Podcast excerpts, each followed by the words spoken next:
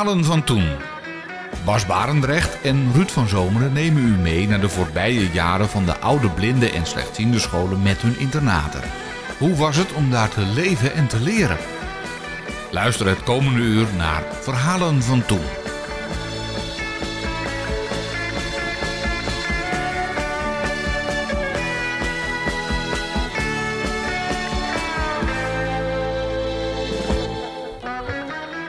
Onze hoofdpersoon van vandaag, Elisabeth de Korte.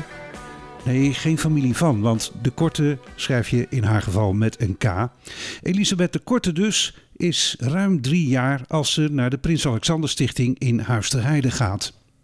Let wel, het is dan 1928. Dus ze behoort niet meer tot de allerjongste, dat mag gezegd zijn. Desondanks mogen we haar tutoyeren. En ik vind dat een hele eer. Luister naar haar niet op alle punten even vrolijke verhaal van toen, met op de achtergrond een aantal tikkende en slaande klokken. Het was altijd al zo dat ik na de vakanties weer naar, dat, naar die school moest. En ik, ik, vond het, uh, ik vond het altijd verschrikkelijk om daar weer naartoe te gaan. Uh, het was daar heel streng en we hebben veel, uh, veel slag gehad. Of een draai in je oren of een pak op je billen. ja, je werd tenminste als klein meisje werd ik, uh, toch wel, was ik toch wel bang voor de dames, zoals wij ze noemden, de juffrouwen. Uh, niet voor het schoolpersoneel. Het schoolpersoneel was heel aardig.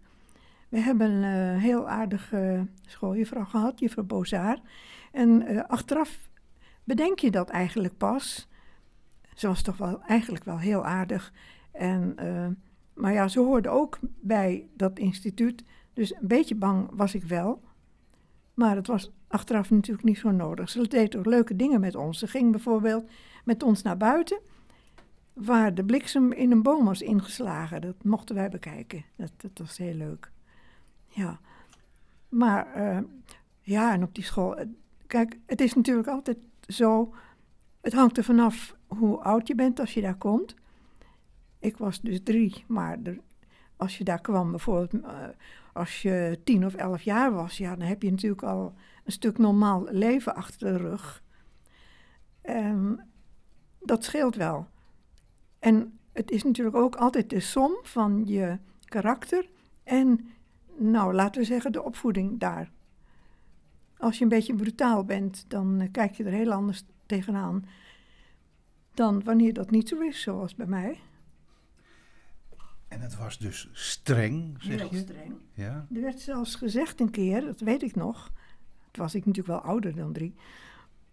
Uh, er werd een keer gezegd, je hoeft uh, niks te vertellen thuis over uh, hier, hoe het hier is. Want we hebben overal kennissen zitten. In de trein en in de buurt waar je woont. En als klein kind geloof je dat. Ja, dat, dat, dat geloof je. je voelt je dus niet alleen gezien, maar ook gehoord. Ja, en als je klappen kreeg, dan, dan zag je dat ook natuurlijk niet aankomen. Dus uh, je was altijd een beetje op je hoede. Uh, er waren uh, toch ook wel, dat wil ik toch ook wel vertellen, er waren ook wel eens leuke dingen. we keken natuurlijk altijd uit naar de vakanties. Ik schrijf voor mezelf of aan iemand die dat weet. Sorry, die klokken. schrijf ik vakantie altijd nog met een C. Dat is voor mij meer, dat geeft voor mij meer het gevoel van vakantie dan met een K. Dat vind ik dan weer zo koud. ja, raar misschien, maar um, daar keken we altijd naar uit. En met de grote vakantie, we hadden natuurlijk allemaal een nummer op onze kleding. En uh, ik had een beetje hoog nummer, 52. Maar als je bijvoorbeeld uh, nummer 10 had, tien dagen voor de vakantie, dan was je de koning of de koningin. Hè? En als, nou, degene die negen had, die was het dan weer. En die één had, die was de keizer. Ja. En een paar dagen voor de vakantie hadden we altijd pannenkoekendag. En uh, als we dan op de speelplaats waren, dan, uh, dan rook je de geur van gebakken pannenkoeken al. Het was natuurlijk wel fijn. En dan uh, zongen we, moesten we altijd een liedje zingen van de klok slaat één uur, want we aten dan een half uur later dan anders. De klok slaat één uur en daar gaat de bel. Lust jullie een lekkere pannenkoek wel enzovoort. Ik weet het niet meer verder. Maar het was het bewijs van Sigins komt de stoomboot. Nou, en dan kon je pannenkoeken eten. Dat was wel fijn. Ja, ik denk nou aan de zogenaamde haaldag in Huisterheide als we opgehaald werden voor de vakanties. Dat was natuurlijk heerlijk. Dan zat je te wachten tot je naam afgeroepen werd. Dat was, dat was fantastisch. Dan mocht je, ja, en dan kwam, uh, kwam mijn moeder, of soms een oom, broer van haar, kwam me ook wel eens halen. Ja, dan, ging je, dan mocht je lekker weer naar huis. Mijn moeder lette er wel erg op wat, wat, ik, uh, wat ik aan speelgoed kreeg. Uh, dingen met geluid. of ik had een soort steekspel. Dat waren, ik weet niet wat voor materiaal het was. Ik denk nu aan plastic, maar dat was er helemaal niet. Het was hard spul. En het was met gleufjes en met dingetjes, eh, platte dingen of ronde of vierkante. En daar kon je allerlei dingen van maken. Dat, en dat deed ik ook, dat vond ik wel leuk. Nee, ik verveelde me niet. En later ging ik dan lezen. Hè, en toen ik zo'n jaar of uh, negen of tien was misschien, had ik boeken van de, van de bibliotheek van, van de Keizersgracht. En dan ging ik mijn moeder voorlezen, was ze in de keuken bezig of iets anders. En dan ging ik haar voorlezen uit het boek waar ik mee bezig was. Ja, dat, was, dat ging altijd goed. En ik speelde, ik heb twee zusters. Een is drie jaar jonger, dus daar speelde ik veel mee. De andere die, uh, die is dan acht jaar, acht jaar jonger dan ik. Maar die in het ja, nee, veel deed ik me niet thuis. Je leest graag, zeg je. Ja. Um, dat is natuurlijk begonnen met braille, want er was niks anders. Maar je hebt de hele ontwikkeling van ja, enkele brailleboeken die door vrijwilligers geprikt werden. Oh ja. Naar de gesproken lectuur enzovoort enzovoort ja. meegemaakt. Ja.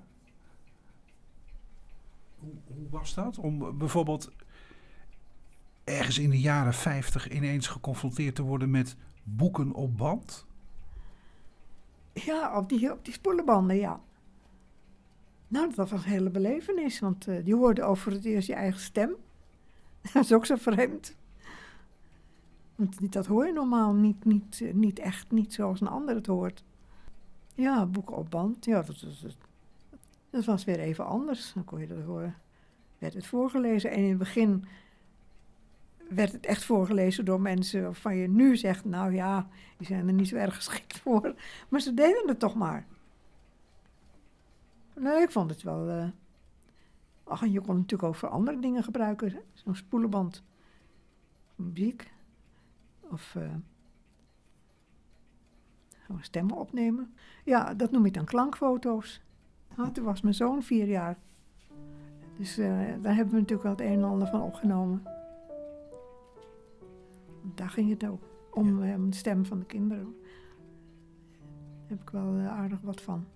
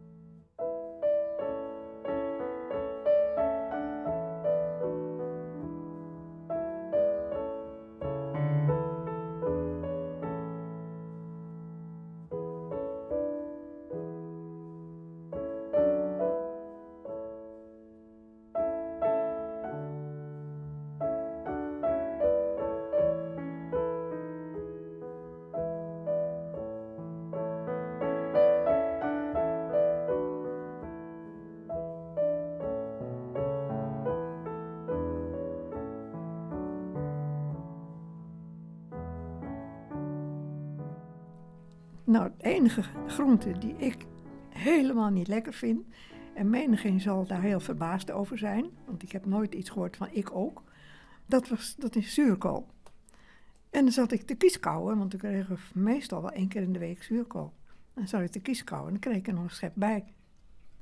Ja, moest het toch leren, vonden ze. Is dat gelukt? Nee, nog steeds niet. Nee. Die Prins Alexander Stichting Ja. was toen de tijd een voorschool, een voorbereidend instituut zou je kunnen zeggen, Ja. voor het instituut in Bussum. Hè? Ja, ja. ik ben daar in, eh, in, die, in de Prins Alexander Stichting tien jaar geweest. En toen ik dertien was, toen ging ik dus naar Bussum. En ja, dat was heel anders. Toen kreeg, kreeg ik natuurlijk ook wel een straf. Maar ik was, ik was altijd heel verlegen en stil. Ik stond daar zo... eh, als klein kind moet ik nogal gebabbeld hebben. Oh ja, dat moet ik ook nog vertellen. Eh, en ik mocht al, toen ik vijf was, mocht ik al naar school. Ik heb geen idee meer hoe ik het brailleschrift geleerd heb. Dat weet ik ook niet meer. Ik kan me alleen nog een beetje herinneren dat, eh, dat de kinderen een dicté hadden. En ik ook. En dat begon met twee kikkers. Dan weet ik het niet. Maar ik deed dit al wel mee. Maar omdat ik toen te veel babbelde, mocht het niet meer. En eh, ik moest wachten tot ik zes jaar was. Maar het was op een zaterdag. En ik mocht pas op maandag naar school. Dat vond ik helemaal niet eerlijk. Was toch zes? ja, maar goed, toen ik dertien was, ging ik naar Bussum. En ik was natuurlijk eh, gewend aan... nou, die jongens die hadden gewoon nog hoge stemmen. En daar hadden ze echt al eh, de baard in de keel. Nou, dat was wel vreemd allemaal. En vijf gebouwen in plaats van één. Ja, nou ja, je- leert de weg natuurlijk, aldoende. Dat, eh, met af en toe eens verdwalen, maar goed. Ja, dat, eh, dat was heel wat anders. Ik was heel bang voor de directeur, de baas, zeiden wij, meneer Belzer. Die kon erg bulderen. En ik was toch wel erg bang toen nog. En die, die angst, die mm, plicht om gehoorzaam te zijn, die heb ik nog heel lang gehouden. Ik heb laatst nog met de kinderen over gehad. Ik heb toen veel te veel gehoorzaamheid geleerd. Want ik durfde later ook haast tegen volwassenen geen nee te zeggen. Dat kon toch niet? Ik weet nog, ik was 21, toen eh, had ik... eh, toen vertelde mijn pianoleraar, die eh, ging nog eens de tournee met zijn vrouw. En toen vertelde hij dat zijn vrouw in verwachting was. En ik was zo verbaasd dat hij het mij vertelde. Bestaat het aan mij? Ja, dat, dat zijn nog de gevolgen daarvan. Je moet ontzettend knokken. Ik heb ontzettend moeten knokken om te komen waar ik, waar ik nu ben. Daar word je natuurlijk wel sterk van. Kwam dat ook door die instituten, dat je eh, als het ware afhankelijk werd gemaakt van eh, de mensen daar? Ja, in Huis ter Heide in ieder geval, ja. De, de straf die ze daar hadden, bijvoorbeeld, dat was eh, alleen lopen. Dan mocht je over de speelplaats lopen, alleen. Dus je mocht niet met de kinderen spelen of praten. En dat kon een dag zijn, dat kon ook drie dagen zijn of langer. Ja, ik ben ook eens een keer vals beschuldigd. Maar dat was gelukkig maar een half uurtje, het was een twaalf uur. En eh, tegen half één toen eh, zei de juffrouw dan wel dat het dienstmeisje zich vergist had. Het meisje naast, dat naast mij bed had, had een hoop in de bed gedaan, niet ik. maar ik moest wel alleen lopen. Want het was zo, wat heb jij gedaan? Ik weet niet, juffrouw. Ja, jij hebt dat en dat. En al was het niet waar, ja, dat, de juffrouw zei het, dus ja, je onderging die straf toch. Je durft op, je durft op laatst niks.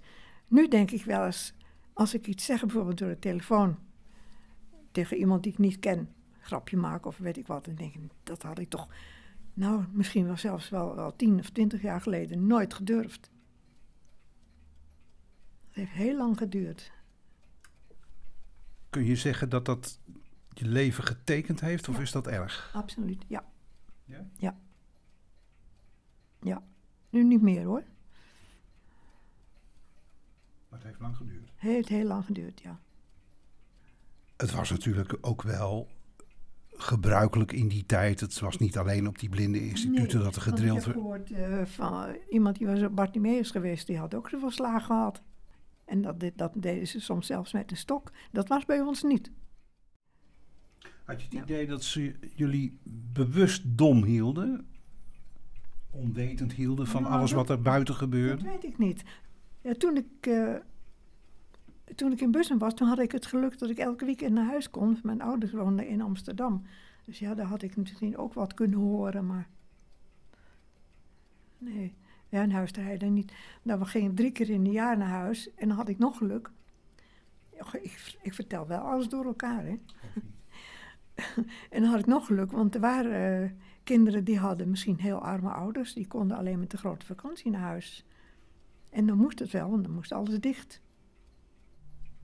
Het heeft je dus heel lang eh, achtervolgd, hè? Die, die instituutsopvoeding. Ja. Nou, ik zou je vertellen. eh, misschien een paar maanden geleden, toen was mijn hulp hier.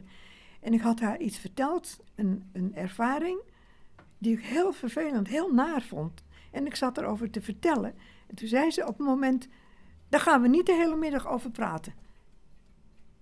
Dat was ik helemaal niet van plan, natuurlijk. Maar ik, ik zei later tegen haar, ik kreeg diezelfde schrik, schok als vroeger. Van ik krijg op mijn kop, ik krijg standje, ik krijg straf. Zoiets. Ik denk, verdikke me, nou is het nog niet weg. Bepaalde dingen raak je ook denk ik nooit kwijt. Nee, ik doe er mijn best voor. Eh, mijn moeder zei wel eens, eh, ik zou het niemand aanraden een kind zo vroeg naar naartoe te sturen. Maar er was een meneer gekomen, ik vermoed de directeur. En die had gezegd, het is beter voor het kind. Ja, maar ik was de eerste bij mijn ouders. En ja, en als je dan ineens een blind kind hebt, dan denk je ook, hij zal het wel weten weten dan wij. Hoe zag het leven er anno 1938 uit in Bussum? Wat, wat, wat deden jullie zo'n hele dag? Hoe zag een dag eruit? Hoe zag een dag eruit? Nou ja, je ging nog naar, eh, naar school, naar de dagklas, naar de klas. En eh, ik had dan ook eh pianostudieuren en handwerken apart. En een van die handwerkjuffrouwen die hield eigenlijk meer van meisjes die leuke dingen vertelden, maar dat kon ik toen niet. Ik kon niks vertellen. Ik was heel stil. En ze vond dat ik het allemaal niet goed deed. En op het moment dacht ik, haal het maar uit. Eh, het gaat toch niet goed. Maar toen ik uit, uit Bussum thuis kwam, dat was in 1944... toen kon ik niet meer terug, want het was de spoorwegstaking. En toen ben ik ook thuis gebleven. En ik wou natuurlijk wat geld verdienen. Alles was een zakcentje. Dus eh, het was een handwerkzaak. Ik denk, daar wil ik dan wel voor breien. En dat waren dan kinderkleertjes. En eh, toen zei die mevrouw tegen me, kabelen kun je wel, hè? Ik denk, dat is toch heel anders? Ja, nou later heb ik de, de mooiste dingen gebreid. ja, gelukkig wel. Het is allemaal wel goed gekomen.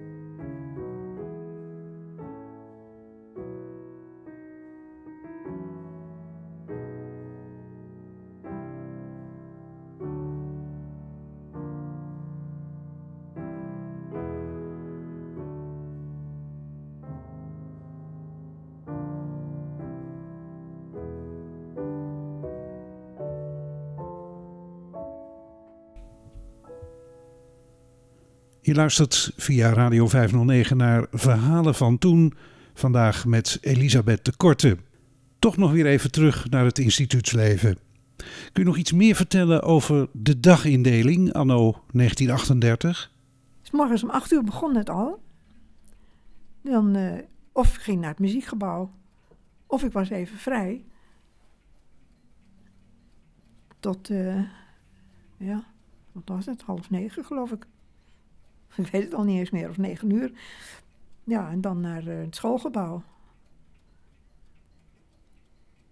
Ja, het is een beetje de hele dag uh, les.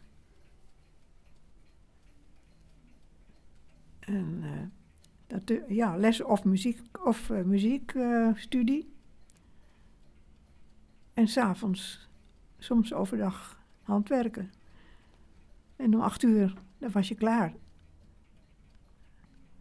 En dan gingen we naar de, de RIK, noemen we wel, de recreatiezaal. En dan kregen we een kopje thee. En dan gingen we om half negen naar bed. In latere jaren is er heel veel aandacht besteed aan, um, nou laat ik maar even samenvatten, uh, lichamelijke opvoeding, uh, oriëntatie, uh, mobiliteit. Dat was er in jouw tijd niet bij, denk ik. Absoluut niet. Daar hebben we helemaal niks van geleerd. Nee. Hoe heb je dat dan wel geleerd? Uh, nou ja, ik had een hond. En uh, daar ging ik dan mee weg. Maar om met die hond te kunnen werken, ja, moet je toch. Je moet de weg weten, ja. Ja, dat heb ik. Uh, waar, ik waar ik woonde, daar heb ik zoveel mogelijk de straten onthouden. Ja, en op plaats zit dat in je hoofd. Als je dan een bepaalde weg gaat, dan denk je, ik kan ook door het, via, het kan ook door die tunnel, ik kan ook daar langs, ik kan ook die straat nemen. Ik wist de weg naar uh, lijn 10, lijn 11, lijn 3. Dat allemaal, dat wel. Ik ging ook met de tram naar, uh, met twee trams naar uh, pianoles. was op de Leliegracht. Stoklopen heb ik eigenlijk nooit echt gedaan. Nee. Nou, ik, uh, ik ben toen naar uh, het conservatorium, tenminste de muziekschool van het conservatorium gegaan. Want het conservatorium leidde op voor uh, solist en de muziekschool voor onderwijs. Dus daar ben ik toen geweest en later bij een privéleraar. En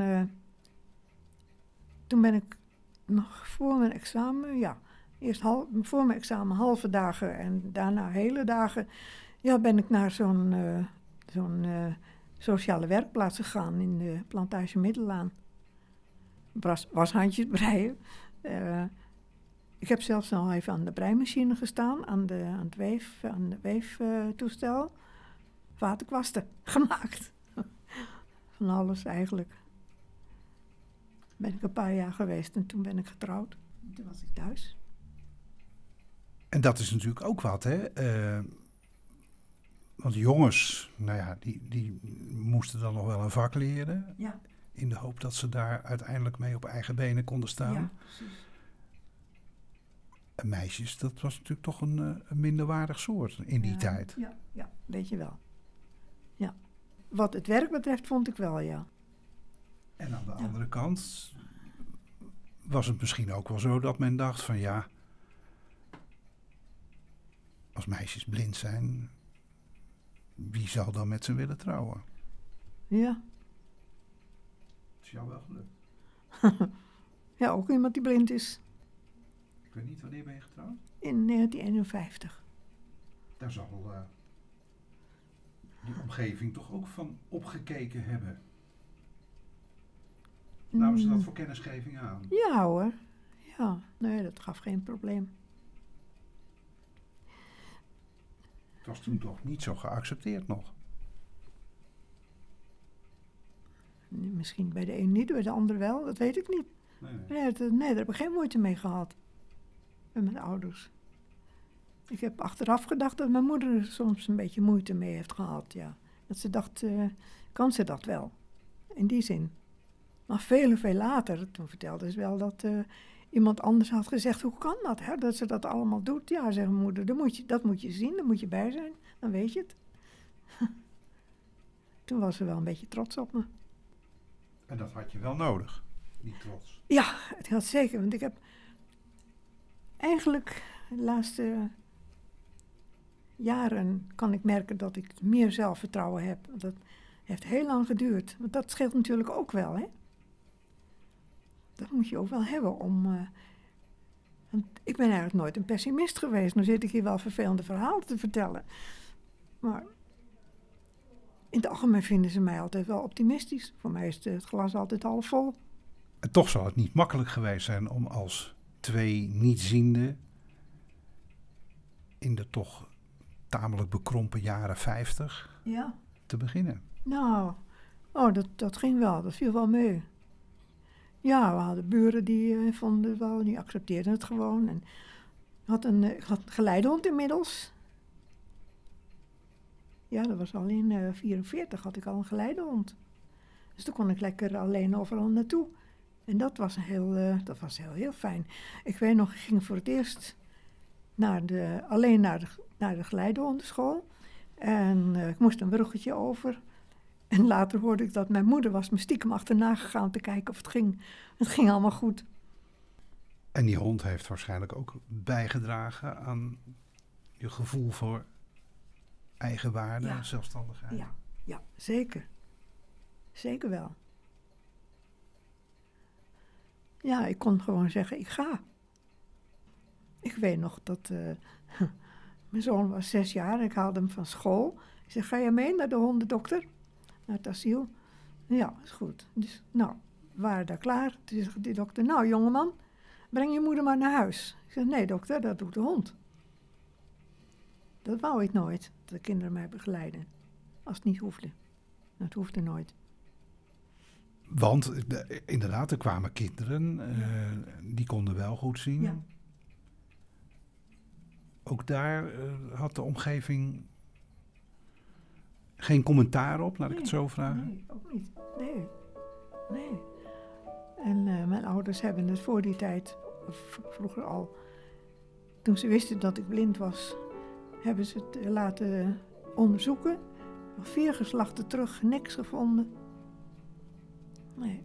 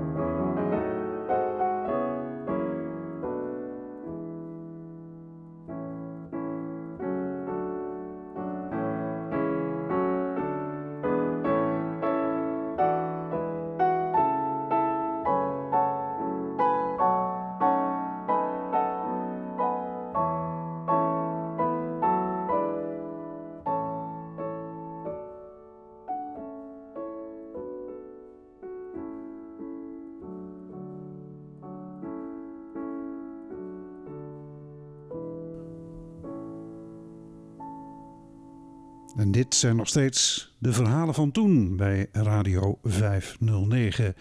We zijn heel ver terug in de tijd, nog voor de Tweede Wereldoorlog. Het verhaal van Elisabeth de Korte. Naast de minder leuke dingen waren er misschien toch ook wel lichtpuntjes? Muziekwedstrijd of zo. Het was wel leuk. Dat was uh, een paar weken voor de grote vakantie. En dan hadden we degene die pianoles hadden van Annie Frank. We hadden een muziekwedstrijd, wie het het beste kon, wie het beste speelde. Dat was elk jaar. Ik heb er nog eens een doosje chocola mee gevonden. En, uh, met iemand samen eigenlijk hoor. Er was er nog één. Dus het was een beetje kiezen tussen ons twee. Toen moesten we allebei toonladders gaan spelen. Nou, en toen zei die, uh, die jongen, die zei, nou ja, dames gaan voor. dus ik had het half verdiend. Maar muziek speelde dus een belangrijke rol? Heel belangrijk. Ook, ook dat is de... altijd zo geweest. Ja. Of bedoel je in Bussum? Ja. Ja, ja. Ja, zeker. Er waren ik weet niet hoeveel piano's. En we wisten de, we kenden de merken van de piano's. En dan gingen we zo gauw mogelijk uh, daar naartoe om te kijken of we die en die konden pakken. Vandaar konden studeren. Een goed merk. En hoe zat het met de omgang tussen meisjes en jongens? Streng gescheiden zeker? Zo was het ook wel, eigenlijk. Meisjesbos en het jongensbos. Ja, was allemaal apart. Ja, in muziekgebouw kwam je elkaar natuurlijk wel tegen. En gebeurde er dan ook wel eens wat? Ontstonden er romances en zo? Dat gebeurde ook wel, ja. Dat gebeurde ook wel. Maar dat moest allemaal stiekem. En, en, en, ja, dat mocht natuurlijk ook niet. Het uh, accent lag dus heel erg op muziek en, en uh, ja, handvaardigheid dingen. Uh, leerde je er ook nog wel dingen die je normaal op school leert? Ja, ja, ja. Gewoon, ja, eigenlijk was het een beetje vervolg van het lager onderwijs, kun je wel zeggen. Want ik weet nog, toen ik, een beetje in de laatste tijd dat ik er was, ja, weet ik niet meer, maar toen kwam de MULO-klas, kwam daar voor het eerst. Maar ik was te oud, ik mocht er niet bij, dus dat heb ik nooit gehad. En dat meisje, je mist dat je eigenlijk verder niet uh, gestudeerd hebt dan uh, nou, een gewone school. Dan lager en dan voortgezet onderwijs een beetje.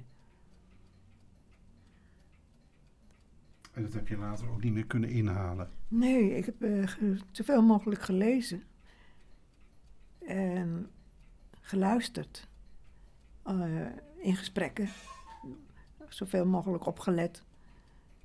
En ja, dan pik je nog wel eens een graantje mee. En ik lees. Uh, als ik had kunnen studeren, ja, dan was het waarschijnlijk op psychologie geweest of uh, logopedie, want die twee dingen die interesseren mij wel. Ik lees ook graag boeken over psychologie. mensen interesseren me gewoon wat ze doen, waarom ze het doen. En ja, de stem heeft me altijd geïnteresseerd. Want uh, het maakt helemaal niet uit of iemand een mooie of een lelijke stem heeft. Die krijg je mee, net als je uiterlijk. Maar wat zit er in die stem? Op een wandeling kwam, ik kwam me iemand tegen. Ik liep met, met mijn man te wandelen. kwam me iemand tegen. Uh, die had een stem. Ik heb nog nooit zo'n lelijke stem gehoord. Maar ik zei tegen hem, ik heb het idee dat hij dat het een heel goed mens is. Ja, zei hij, dat is ook zo. Hoe wist hij dat dan? Ja, die kende hem. Ah. Ja. En... Uh, Ja, bijvoorbeeld uh, Maria Callas, die, zingt, die zong heel mooi, heel goed. Maar ik vond haar koud.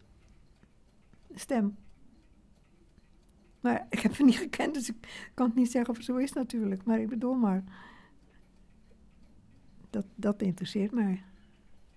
Ben je wel eens jaloers op mensen, lotgenoten die veel jonger zijn en die wel de kansen en de mogelijkheden hebben gehad om uh, door nou, te leren? Ik heb geleerd dat er verschil is tussen uh, jaloers zijn en iemand iets benijden. Als je jaloers bent, dan gun je het de ander niet. Maar ik benijde ze wel, ja, af en toe. Ik denk, goh, dat had ik ook gewild. Maar ik gun iedereen van harte. Die kan studeren, die moet dat doen. Maar vroeger waren natuurlijk ook ja, de mogelijkheden veel minder. We ja, hebben nu... waren er niet. Dat zei ik hoor. Die, die, die- zelfs die muurlookklas, daar kon, kon, mocht ik niet meer op. Maar je bent daar niet verbitterd door geraakt. Nee, absoluut niet. Nooit. Ik heb dan wel geprobeerd dat, eh, als het kon, als ik de kans kreeg het beste uit het leven te halen. Het leven te nemen zoals het is. Het beste ervan te maken. Niet te veel kijken naar wat er niet is. En als je daarop terugkijkt, dan denk je, ach, het was allemaal zo erg niet. Precies. ja, de herinnering is niet leuk, maar nu denk ik, eh, ja, ik wil er eigenlijk niet zoveel over denken ook. Zo'n gesprek als dit, de- de- doet je dat nou wat? Emotioneert je dat? Nou, even een klein beetje, maar niet erg en het is al lang weer weg. Nee hoor. Gelukkig, want dat was niet de bedoeling. Nee, dat weet ik. Nee, dat begrijp ik.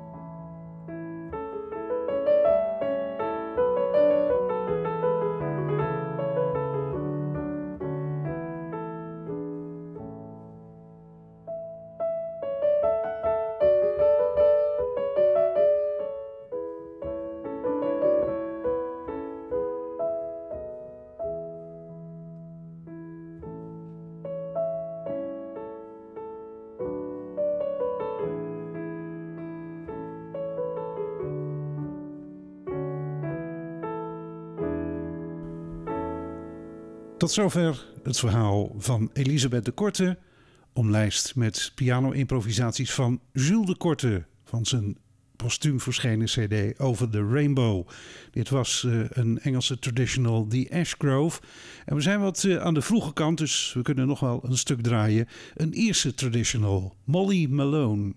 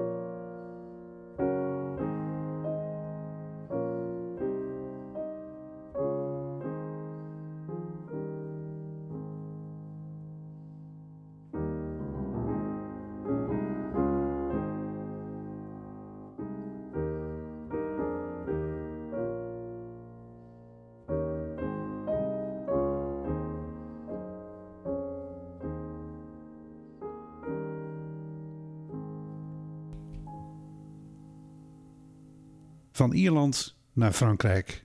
Au clair de la lune.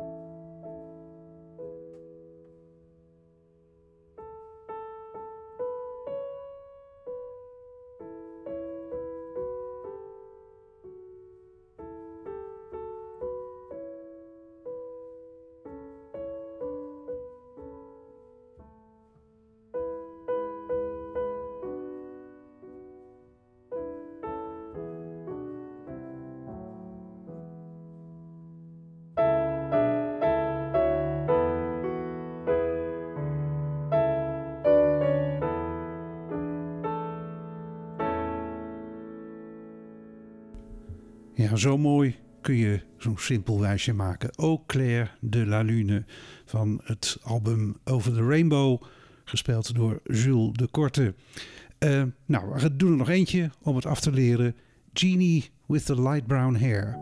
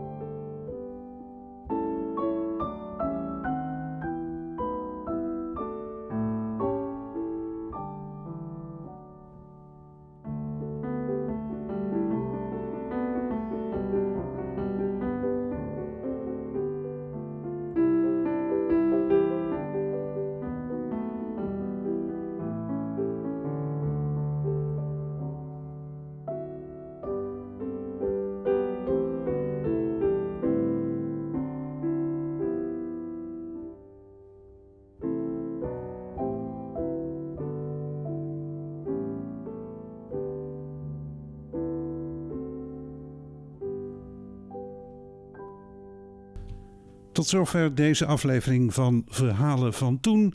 Natuurlijk met dank aan Elisabeth de Korte uit Amstelveen. Dank voor het luisteren en graag weer tot de volgende keer. Dag. Verhalen van Toen is een programma van Bas Barendrecht, Ruud van Zomeren en Emiel Cornelissen. Meer informatie is te vinden op www.radio509.nl